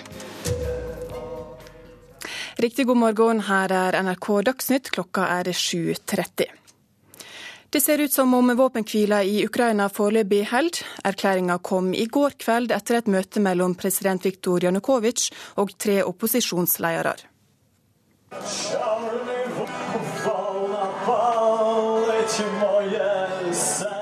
Demonstrantene er der fremdeles, på Sjølstendeplassen i sentrum av Kiev. Røyken stiger opp fra brennende barrikader, men det er ingen sammenstøter mellom demonstranter og politi. Våpenhvila fra i går kveld ser ut til å holde. Representanter for opposisjonen holder sine appeller, og folk venter i spenning på hva dagen vil bringe. Status etter gårsdagen var nærmere 30 døde og hundrevis såra i løpet av halvannet døgn. Nå skal det forhandles. Det internasjonale presset er stort. Utenriksministrene i EU har ekstraordinært møte i ettermiddag. Før det skal flere av dem på lynvisitt til Kiev for å oppdatere seg på situasjonen. Generalsekretæren i Nato, Anders Fogh Rasmussen, advarer den ukrainske regjeringa mot å bruke Forsvaret til å løse krisa i landet. Skjer det, vil det få alvorlige følger for forholdet til Nato, sier han. Det sa utenriksmedarbeider Eivind Molde. Og korrespondent Hans-Wilhelm Steinfeld, du er i Kiev. Hvordan vil dagen bli prega av det som har skjedd det siste halvannet døgnet? Ja, Fremfor alt er det nasjonal landesorg i dag. Begravelsene av de 28 døde skal finne sted i tråd med religionen her. Ortodoksien så skal folk begraves tre dager etter at de har forlatt denne verden. Så kommer utenriksministrene fra Frankrike og Polen, anført av Tysklands utenriksminister Steinmeier hit til Kiev i dag. Det er klart at deres budskap er at skulle det verste skje og borgerkrig oppstå i Ukraina, som grenser til EU og Nato-landene Polen, Slovakia, Ungarn og Romania, vil Ukraina bli et europeisk sikkerhetsanliggende. Eh, bak det hele står Angela Merkel og Vladimir Putins samtale i går, der de var enige om at nå må volden stanses her i Ukraina. Men virker det mange internasjonale formaningene på ukrainske styresmakter? Ja, Det er jo det dagen vil vise. Men dersom eh, forsvarsministerens trussel om å sette i gang antiterroraksjoner mot de opposisjonelle i Vest-Ukraina skulle bli satt inn, kan det stå om hærens lojalitet, og da er vi i gang igjen. Eh, hvis derimot eh, gårsdagens og kveldens samtaler i det minste gir et håp om å ha et et tema for dialog fremover, så kan det gi håp om lettere tider. Kiev er en beleiret by. Her er unntakstilstand. Eh, Maidanplassen ser ut som et spøkelsesområde, og det minner slettest ikke om 2014 og moderne tider. Det minner mer om de dystrere kapitler som mange østeuropeiske hovedsteder opplevde under den krigen, og vi kan nevne i fleng Berlin, Budapest, Praha, Warszawa. Takk til deg, Hans-Wilhelm Steinfeld. Carl I. Hagen og varaordfører Libe Riiber Moen i Oslo krever å få innsyn i kravene til et Oslo-OL i 2022. Den internasjonale olympiske komité, IOC, har levert en liste på 7000 sider med krav Oslo må innfri. Men Norges idrettsforbund holder forberedelseslista hemmelig. Det blir umulig å lage et realistisk budsjett uten at vi har sett lista, sier de to politikerne. Vi har ikke fått innsyn i noen av de 7000 sidene med kravspesifikasjoner. Og masse av det burde være åpent. for det, Når vi er det hemmelig, da er jeg mistenksom i likhet med journalister. Bystyremedlem i Oslo og tidligere leder i Frp, Carl I. Hagen, er fortørnet over at Norges idrettsforbund foreløpig ikke vil vise fram lista med krav fra Den internasjonale olympiske komité, IOC. Han mener åpenhet er viktig for å få avdekket krav om eventuelle utenomsportslige ytelser til IOC-medlemmer i forbindelse med et OL i Oslo. Og Hvis det er i kravspesifikasjonen at alle IOC-medlemmer skal ha hver sin Mercedes, de skal bo så og så fint og de skal ha så og så mye penger til mat og drikke, jeg er veldig mistenksom overfor IOC nå, jeg må innrømme det. Også varaordfører i Oslo, Libe Riiber Moen, mener det bør gis innsyn i lista, ikke minst for å få vite hva kommunen skal budsjettere med. Ja, jeg syns jo at eh, vi Oslo-politikere bør ha innsyn i hvilke utgifter et eh, OL i eh, Oslo vil medføre, selvfølgelig og Norges idrettsforbund er i dialog med IOC om å offentliggjøre kravene. Det sier generalsekretær i Idrettsforbundet Inge Andersen. Vi har en dialog med IOC på å tilgjengeliggjøre hele den tekniske manualen som er på 7000-8000 sider. Så hvis politikerne har lyst til å bruke våren og sommeren til å lese seg opp på den, så vær så god. Reporter var Kristine Næss Larsen. En 26 år gammel mann ligger på sykehus med alvorlige skader etter å ha blitt knivstukket utenfor Stovner senter i Oslo i natt. En 29 år gammel mann er pågripen. Helseminister Bent Høie sier nei til røyking av heroin på sprøyterom. Det var den rød-grønne regjeringa som kom med forslaget, som har fått eh, brei støtte i en rekke fagmiljø. Men Høie setter altså foten ned. Regjeringa vil heller satse på behandling, sier han. Det å tillate røyking av heroin på sprøyterommet, det vil etter vår oppfatning ikke nå målgruppen på en god nok måte, og samtidig innebære at vi i større grad etablerer sprøyterommet som et eh, fristed for bruk av narkotika. og Det ønsker vi ikke. Det vakte oppsikt da tidligere helseminister Jonas Gahr Støre foreslo å åpne for røyking av heroin i sprøyterom. Røyking er mindre farlig enn sprøyter, og hensikten var å forebygge smitte, infeksjoner og overdosedødsfall. Mange av høringsinstansene har støttet forslaget. Jo, jeg er helt enig i at eh, det er positivt å få sprøytenarkomane over til å røyke.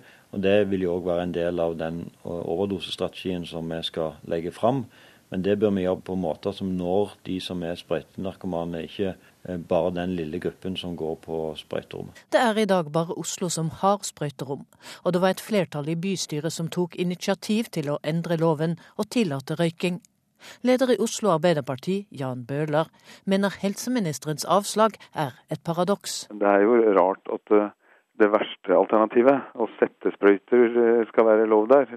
Og at det ikke skal være lov å gjøre det som da, hvor det er mindre fare for overdose, nemlig ved å røyke det. Det blir straks debatt om dette i Politisk kvarter i P2. Reporter var Katrin Hellesnes. Sport nå. Det er ingen garanti for at Petter Northug går femmila. Det sier landslagssjef Vidar Løfshus. Det er veldig vanskelig å si. Det var jo ikke noe det var ikke imponerende verken av Ola eller Petter. Vi får se. Det, vi må få tatt ut et lag. og Petter er jo en av dem som er igjen her for å gå femmila, så får vi se om han stiller på start på søndag. Landslagssjefen føler seg altså fortsatt ikke trygg på at Petter Northug er i medaljeform for OLs siste langrennsdistanse.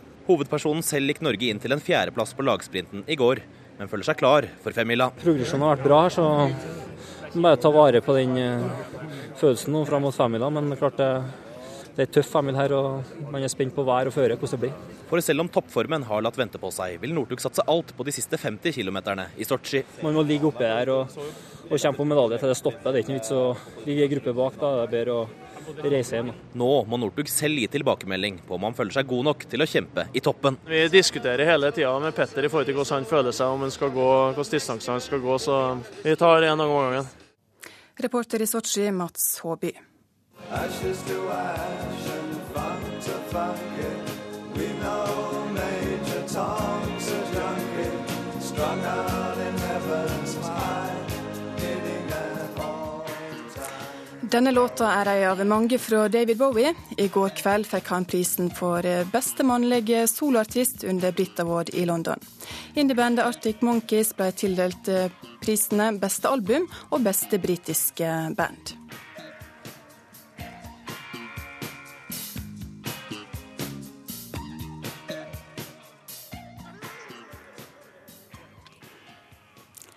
Ansvarlig for denne sendinga var Bjørn Christian Jacobsen. Det tekniske ansvaret hadde Hans Ole Hummelvold. Mitt navn er Ingvild Ryssdal.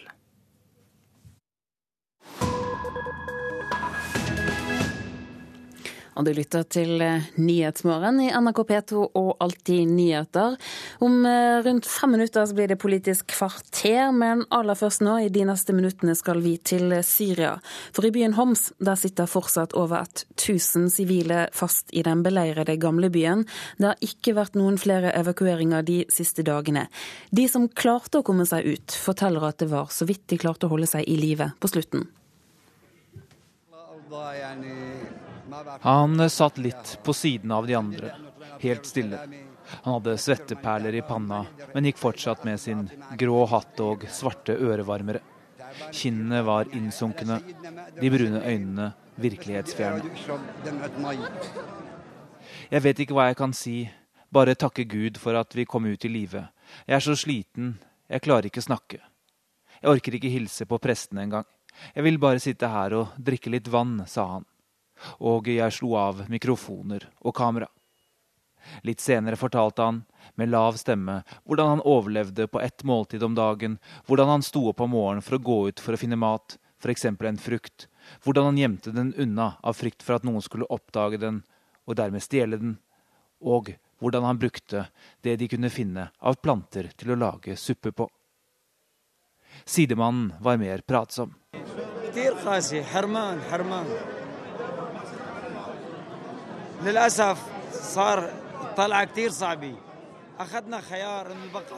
Det var så vanskelig å finne mat. Det var nesten ingenting å finne. Da vi bestemte oss for å bli værende, visste vi ikke at det skulle bli så ille, sa Ahmad Elias, anestesilege av yrke. Begge de to har overlevd beleiringen av gamlebyen i Homs og var blant de rundt 1400 menneskene som ble evakuert derfra i forrige uke. Han bestemte seg for å bli værende i sitt hjem da det ennå var mulig å dra, for rundt to år siden. Han hadde ingen idé om hva som ventet. Krigen, beleiringen, sulten.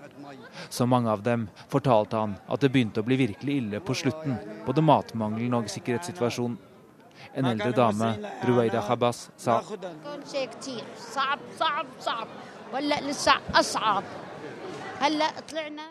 Jeg kan ikke forklare. Det har vært så, så vanskelig. Og det ble verre. De tok husene våre, det var ikke noe strøm. Hver femte dag fikk vi en liten brødbit. Vi hadde ikke vann, og etter hvert var det også mye kriminalitet. Det var folk som stjal og våpen overalt. I går var vi i et møte, og det var ingenting i huset vårt da vi kom hjem, forteller hun. Hun har et pent stelt hår, men hendene er skitne, og hun har jord under neglene. Flukten fra gamlebyen var vanskelig. De måtte ut gjennom underjordiske tunneler. مشوا شوي وبعدين الله بعث لنا الشباب Heldigvis sendte Gud noen folk som hjalp oss gjennom disse tunnelene. Jeg ble båret gjennom dem, den ene tunnelen verre enn den andre. Og så ble vi sittende og vente på bussene som fraktet oss hit til mottakssenteret, sier hun, og forteller at nå begynner et nytt liv for henne. Et liv utenfor beleiringen. Men de aller fleste er ikke så heldige. Det har ikke vært noen nye evakueringer i Homs den siste uka, og andre steder i Syria sitter enda flere fast i et krigshelvete, det være seg i Damaskus forsteder eller rundt om i landet. I alt regner FN med at en kvart million mennesker lever i beleirede bydeler. Og i alt er det rundt tre millioner mennesker nødhjelp ikke når fram til pga. en krig som ikke ser ut til å ha noen ende. Og det var vår eh, Midtøsten-korrespondent Sigurd Falkenberg Mikkelsen som rapporterte fra Homs i Syria. Salongen. Jeg heter Susanna Valmrød. Jeg er vokalist, komponist, tekstforfatter, orkesterleder plateselskapseier, direktør, bookingmanager og pressekontakt, men det føles liksom som jeg mangler noe. Hvis du også trenger en tittel til, hvorfor ikke bli en podkaster du også? Last ned salongens podkast på nrk.no podkast.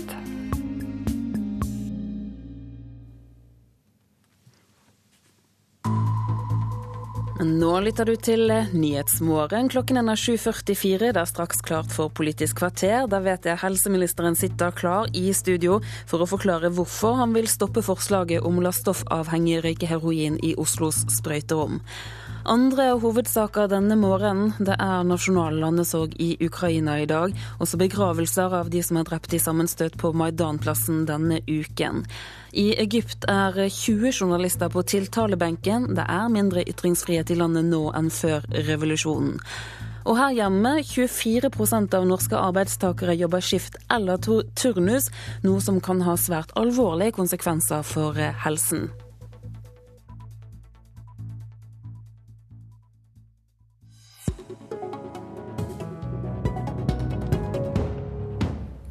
Offentlig rusbehandling er nesten dobbelt så dyr som privat, og helseministeren vil bygge ut det private tilbudet. Men han stopper forslaget om å la stoffavhengige røyke heroin i Oslos sprøyterom. Det er temaer i eh, dagens Politiske kvarter. Jeg heter Alf Hartgen. Og vi starter med den rapporten som kom i går, eh, helseminister Bent Høie, som altså viser at offentlig rusbehandling er omtrent dobbelt så dyr, for å si det veldig enkelt, som den private. Det gir jo deg argumenter for å satse på den private sektoren med 200 nye behandlingsplasser i første omgang. Men likevel, i denne rapporten så går det jo fram at det er store forskjeller som, også i tilbudet. Offentlige plasser har flere døgn, høyere bemanning, de har ofte høyere utdannet personell, de har tyngre klientell osv. Hvorfor er du så sikker på at det er riktig det, det fokuset du har på private? For det første så er det fordi at uh, noe, av, noe, av, forskjellen kan gjerne forklares med de elementene som du trekker fram der. Men så er det grunn til å si at uh, i denne rapporten så har han jo da isolert uh, og latt hovedsammenligningen gå mellom de store private, som er våre fremste kompetansemiljøer òg. Borgestadklinikken, Bergensklinikken, Rogaland A-senter, Lade i Trondheim. Sånn at det ikke det er ikke de mange små private ideelle som her er sammenlignet med de større offentlige avdelingene. Sånn at eh, jeg føler meg ganske trygg på at denne rapporten forteller oss at vi får mer behandling igjen for de pengene som vi bevilger til private. Men så skal vi ha, eh, ha både private og offentlige tilbud. Men den tendensen som vi har sett eh, under den rød-grønne regjeringen, der en har dreid plassene fra de private ideelle over til å bygge opp dyre offentlige plasser, det er en dreining som jeg mener har, eh, hvis den hadde fått lov til å fortsette med den, forrige regjeringen, hadde gitt oss mindre behandling til en høyere pris. Så det blir et klart skifte av fokus? Ja, vi, vi er veldig tydelige på at vi og jeg har gitt en arbeidsordre til de regionale helseforetakene om at de skal begynne å kjøpe den ledige plassen som er hos de private. De har fått klar beskjed om at de skal nå i 2014 kjøpe 200 flere behandlingsplasser hos de private. Og de har òg fått 255 eh, millioner kroner på toppen av det. Som er øremerket til kjøp av eh, private, enten innenfor rus, psykisk helse eller rehabilitering. Torgeir Micaelsen, helsepolitisk talsmann for eh, Arbeiderpartiet på Stortinget. Du har kalt dette her ideologiske skylapper. Er det ikke bare fornuftig bruk av skattepenger? da? Først vil jeg si at jeg er ikke overrasket over resultatene i denne rapporten. Det var jo derfor eh, hva skal jeg si, Støre, altså helseminister Støre fra Arbeiderpartiet, bestilte mm. rapporten. Fordi vi hadde en klar formening om at private ideelle både kunne levere til en konkurransedyktig pris og til god kvalitet, og at vi da kunne få mer rusomsorg for, eh, for pengene. Og vi forskutterte jo langt på vei også konklusjonene fra rapporten. fordi Eh, Høie henviser til de 200 ekstra behandlingsplassene som nå skal eh, komme i år. Det er jeg veldig for, for det var det vi som foreslo i eh, siste budsjettet til Stoltenberg. Men så mener jeg at, at helseministeren og Høie altså Høyre drar det for langt når de bruker denne rapporten til å ensidig kunne konkludere med at det er riktig å bare satse på de private i større grad i framtida. Fordi rapporten tar selv mange forbehold og denne rapporten er først og fremst en eh, rapport om pris. Den sier mm. rett ut at de vet for lite om kvalitet. Det skal komme som nå del to. Og jeg er veldig opptatt av at vi nå må komme dit hen at vi ikke bare diskuterer millioner og antall plasser, men kvaliteten på den behandlingen som de som fortjener god rusomsorg i Norge, ja, rett og slett må få bedre svar på. Samtidig så er det et stort behov for plasser. Ja. Og hvis man da kan dokumentere at man får flere plasser for disse millionene, så virker det jo ikke ufornuftig å gjøre det. Nei, og derfor foreslo vi langt på- Ja. det samme. Altså, det- og, vi, og vi styrte landet i åtte år med en miks av rusbehandling i Norge der de private ideelle har et kjempestort innslag, altså over 50% Så hvis vi mente at dette var helt elendig idé, som man kan få inntrykk av når Høie eh, bruker retorikken sin om den forrige regjeringen, så burde jo vi eh, avviklet det og bare satse på det offentlige. Det gjorde vi ikke. Vi, snarere tvert imot. Vi satset både på den private ideelle delen av rusomsorgen eh, og den offentlige eh, ja, delen. Er det rød-grønn politikk du fører her? eh, Nei, for det første så er det sånn at det er ingen tvil om at det skjedde en dreining under den rød-grønne regjeringen fra private ideelle mot å bygge opp eh, dyre offentlige plasser. Den dreiningen har vi nå snudd. Eh, Det er riktig at det fra den rød-grønne regjeringen lå inne 200 plasser, men det var jo ikke et fnugg av føring på at de plassene skulle brukes på det som her eh, er hovedpoenget, nemlig litt mer langvarige behandlingsopplegg. Den forrige regjeringen hadde lagt helt andre føringer på de 200 plassene. Det hadde derfor ikke gitt den samme type resultater som de føringene jeg har gitt på de plassene. Så er det jo sånn at vi vet eh, for lite om kvalitet, resultater av behandlingen. Men det gjør vi òg når det gjelder de offentlige plassene. Og Derfor så tar jeg sikte på å få etablert et eh, kvalitetsregister for rusbehandling i 2015. Nettopp for at vi nå skal også få vite noe mer om resultatene av eh, behandlingsforløpene. Og Det vil gi oss òg en bedre mulighet til å se på det. Men vi har jo lang erfaring for at disse rusinstitusjonene som er sammenligna her, er jo ikke bare helt tilfeldige private rusinstitusjoner. Det er altså de fremste kompetansemiljøene vi har. Det er jo disse som var først. Og det er det som jeg òg har sagt, at denne rapporten bør òg føre til at en i det offentlige helsetjenesten har en litt mer ydmyk holdning til de private ideelle på dette området. For det er faktisk de som var i forkant. De har de fremste nasjonale kompetansemiljøene på dette området. Men jeg mener at de har blitt for dårlig behandlet. Eh, Jeg, det er jeg helt enig i, at eh, vi bør i offentlig sektor som i privat sektor lære av hverandre og være ydmyke for at noen kan gjøre ting bedre. Men når Høie sier at vi bare har bygget opp det han kaller dyre offentlige eh, ja, tilbud, så er jo det f.eks. å ha eh, døgnbemannet akuttvakt, beredskapsarbeid, eh, ha folk med høy kompetanse på jobb som kan ta imot folk som får et eh, akutt angstanfall Men- eller kraftig hva skal vi si, trenger hjelp der og da. Jo, Men, men altså, disse er- vil man da fremdeles ha, eller er du redd for at det blir et skifte av fokus her som gjør at det vi må ikke nå eh, kaste disse? babyen ut med badevannet. Mm. Hvis Høie nå bruker den rapporten til ensidig å altså, i- ta, dra fokuset utelukkende mot ø, privat ideell sektor. Det er jeg veldig for, men vi må ikke også glemme mot den private delen. Og så er jeg bekymra for én ting til. Det er at Høie har jo varslet at han skal innføre en ny reform også på rus- og psykiatrifeltet, en såkalt fritt behandlingsvalg, eller det jeg kaller automatisk finansiering av nye private aktører. Og hvis det var slik at det var behov for en stor, økende grad av også kommersielle eh, si, innslag i denne sektoren, så har vi nå fått rapporten på bordet.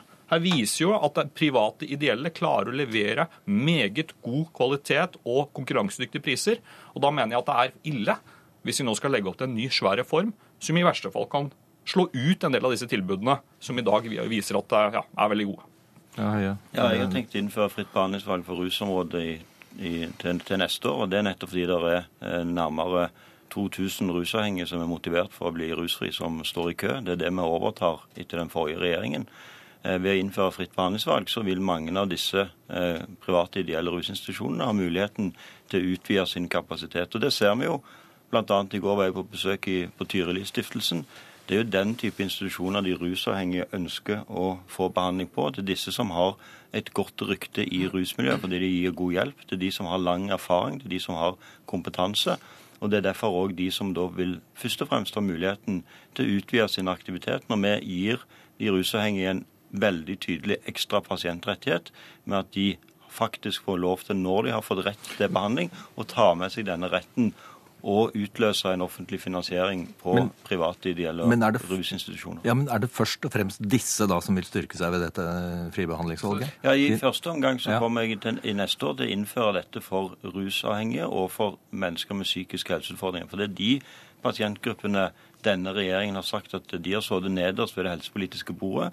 Vi skal løfte dem opp. og Når vi da skal innføre en så tydelig pasientrettighetsreform som fritt behandlingsvalg er, så starter vi med de pasientene som vi mener har størst behov for det først, og det er rusavhengige og syke, eh, mennesker med psykiske helseutfordringer. Men jeg er jo helt enig i at eh, det er mange pasienter som fortjener bedre eh, og raskere oppfølging enn i dag. Men vi er jo redd for at for det første er det ikke riktig at det ikke har blitt satset på rusomsorg de siste åtte årene. Det har økt kraftig både i pengebruk, det har vært mye høyere vekst i rus og psykiatri enn det har vært f.eks. i uh, Men ser framover? Ja, selvsagt. Og da mener jeg at det er galt å legge til rette for det jeg mener vil kunne føre til at store internasjonale kommersielle aktører kommer inn for å måtte, ja, i beste hensikt gjøre en arbeid for ja, folk som er rusavhengige. Eh, mens vi i stedet kunne satset på å bygge opp løpende avtaler, gå vekk fra dette anbudet som en del av disse private ideelle er utsatt for, eh, som vi har nå dokumentert, gjør en god jobb til en konkurransedyktig pris. Derfor burde jeg, etter mitt, mitt skjønn, Høie legge vekk denne uh, prestisjereformen som men, satser på disse. Men Høie gjør det Høie gjør sikkert som han sier, så det får vi jo komme tilbake til. det dette, dette, skal også uh, evalueres etter hvert, så får vi jo se resultatene. Jeg har lyst til å holde oss til temaet, men, men, gå over, men, men likevel et lite, et lite, skifte her. fordi som vi har hørt i nyhetene i dag, så har altså du, Bent Høie, sagt nei til dette forslaget fra uh, din forgjenger Støre om å la heroinister få røyke heroinen i Oslos sprøyterom. Det er foreløpig bare Oslo som har dette sprøyterommet. Eh, samtidig så skriver du altså i ditt svar til Oslo kommune at det er et ønske om at flere skal røyke heroinen sin. Hvorfor da likevel et nei? Nei, fordi at eh, sprøyterommet når svært få av eh, de sprøytenarkomane. Det er et sted der en eh, har muligheten til å ta overdose med sprøyter, men få hjelp sånn at en ikke dør av mm. overdosen. Eh, men det er jo ingen utpreget fare for å få overdose når en røyker heroin. Så det å utvide eh, sprøyterommet til å være et fristed for bruk av narkotika som ikke har fører til noe overdoserisiko, vil i realiteten gå vekk fra det som var hovedintensjonen fra Stortinget den gangen en åpna opp for denne ordningen i, i, Oslo, nemlig at dette skulle være et sted der en skulle få hjelp hvis en tok overdose, til å bli det som mange av oss som var skeptiske til sprøyterom, mm. advarte mot, nemlig at sprøyterommene skulle bli et eh, fristed i samfunnet for bruk av narkotika, og undergrave, eh, undergrave den klare holdningen som vi har til at bruk og besittelse av narkotika skal være forbudt. Så Derfor mener jeg at eh, innsatsen mot overdose bør eh, foregå der som de sprøytenarkomane faktisk er, oppfolder seg, og der de søker, søker, søker hjelp. Mm. Og Det er løsningen vår. Dessuten så er det mye viktigere å bygge opp behandlingstilbudet, gjøre det som vi nettopp mm. snakket om. bruke sikkert, den kapasiteten ja, som er. Akkurat det er det sikkert ingen, ingen uenighet om, at, at, fokus må være på behandling. Men uh, Michaelsen, du rister på hodet, og dette er et forslag som kom fra, fra deres uh, statsråd uh, da han satt. Hvorfor mener du det er feil å ikke tillate dette? Fordi det standpunktet Høyre og Høie her er ikke kunnskapsbasert. Vi vet med sikkerhet at hvis vi bare kan få én av de som sliter og virkelig har det ille i dagens samfunn, som basker med sitt heroinmisbruk, til å gå fra å være sprøytenarkoman til å røyke heroinen sin, så vil det ha en voldsom helseeffekt bare for Altså bare én person. Jo, Men alle er enige jo. om at det er, at det er jo, lurere og, eller smartere Det er helt uforståelig for meg ja. hvis man skal legge et kunnskapsbasert syn til grunn, når vi ser hva andre land har gjort på dette feltet. At man tror at hvis man tillater å gjøre det som er minst farlig på heroinsiden, nemlig å røyke dem kontra å sette sprøyter i armen, eh, at ungdom eller andre skal nærmest oppmuntres til å gjøre det samme, fordi man ser på dette som et fristed, som Høie kaller det. Det er helt uforståelig for meg. Og det er også i, i, Et øyeblikk, det, det, er helt uforståelig. Da må Høyre forklare bedre, da. Hvis en skal følge Michaelsens logikk, så bør en jo da etablere muligheten for å bruke alle typer eh, narkotika som er bedre enn å injisere heroin mange steder i landet. Men jeg har ikke oppfattet at Arbeiderpartiet går inn for det. Og jeg regner med det det litt langt, Nei, kanskje? men jeg regner, med, jeg regner med at grunnen til det er nettopp at en ikke ønsker en retning mot, uh, mot, legalisering. Og Dessuten så er altså det ikke sånn at dette er et uh, standpunkt som jeg har alene. De rusmiddelavhengige sin egen interesseorganisasjon er enig med meg. Politiet er, enig med meg. Mm. Psykologforeningen er enig med meg. Men det er veldig delte meninger, det er delte meninger i denne type spørsmål. Det, det er, men det jeg lurer på, altså, Foreløpig så er det ett sprøyterom i Oslo. Hadde ikke dette likevel vært interessant å, for å høste kunnskap? For rett og slett å se hvordan det slår ut? Nei, altså, Jeg mener at vi nå må gå vekk ifra den tilnærmingen som Arbeiderpartiet har hatt til disse spørsmålene, hele veien lansere lettvinte eksperimenter innenfor rusområdet og skape en voldsom debatt om det, og istedenfor begynner den harde får, og tøffe eh, og tunge jobben det å bygge opp et sammenhengende helt til slutt, eh. til de rusavhengige. Det, er det, det, det er det vi må nå Men, konsentrere oss om. Nå må, nå må du svare på det helt på kampen. enig Tiden går, men, men, men det er jo ikke slik i, i, hvis du har vondt i beinet, eh, så lindrer man jo smerten fram til man prøver å få reparert beinet. På samme måte mener jeg vi burde testet dette ut. Eh, Det er ikke slik at eh, ja, Det er en haug med høringsinstanser som er enig med meg, men Mm. mot Høie. Men- Dette burde han testet ut, men han gjør det altså av høyrepolitiske årsaker. han gjør det altså ikke. Av partipolitiske partipolitiske takk årsaker. skal dere ha, det var det vi rakk. Jeg heter Alf Hartken, det var Politisk kvarter. Hør flere podkaster på nrk.no podkast.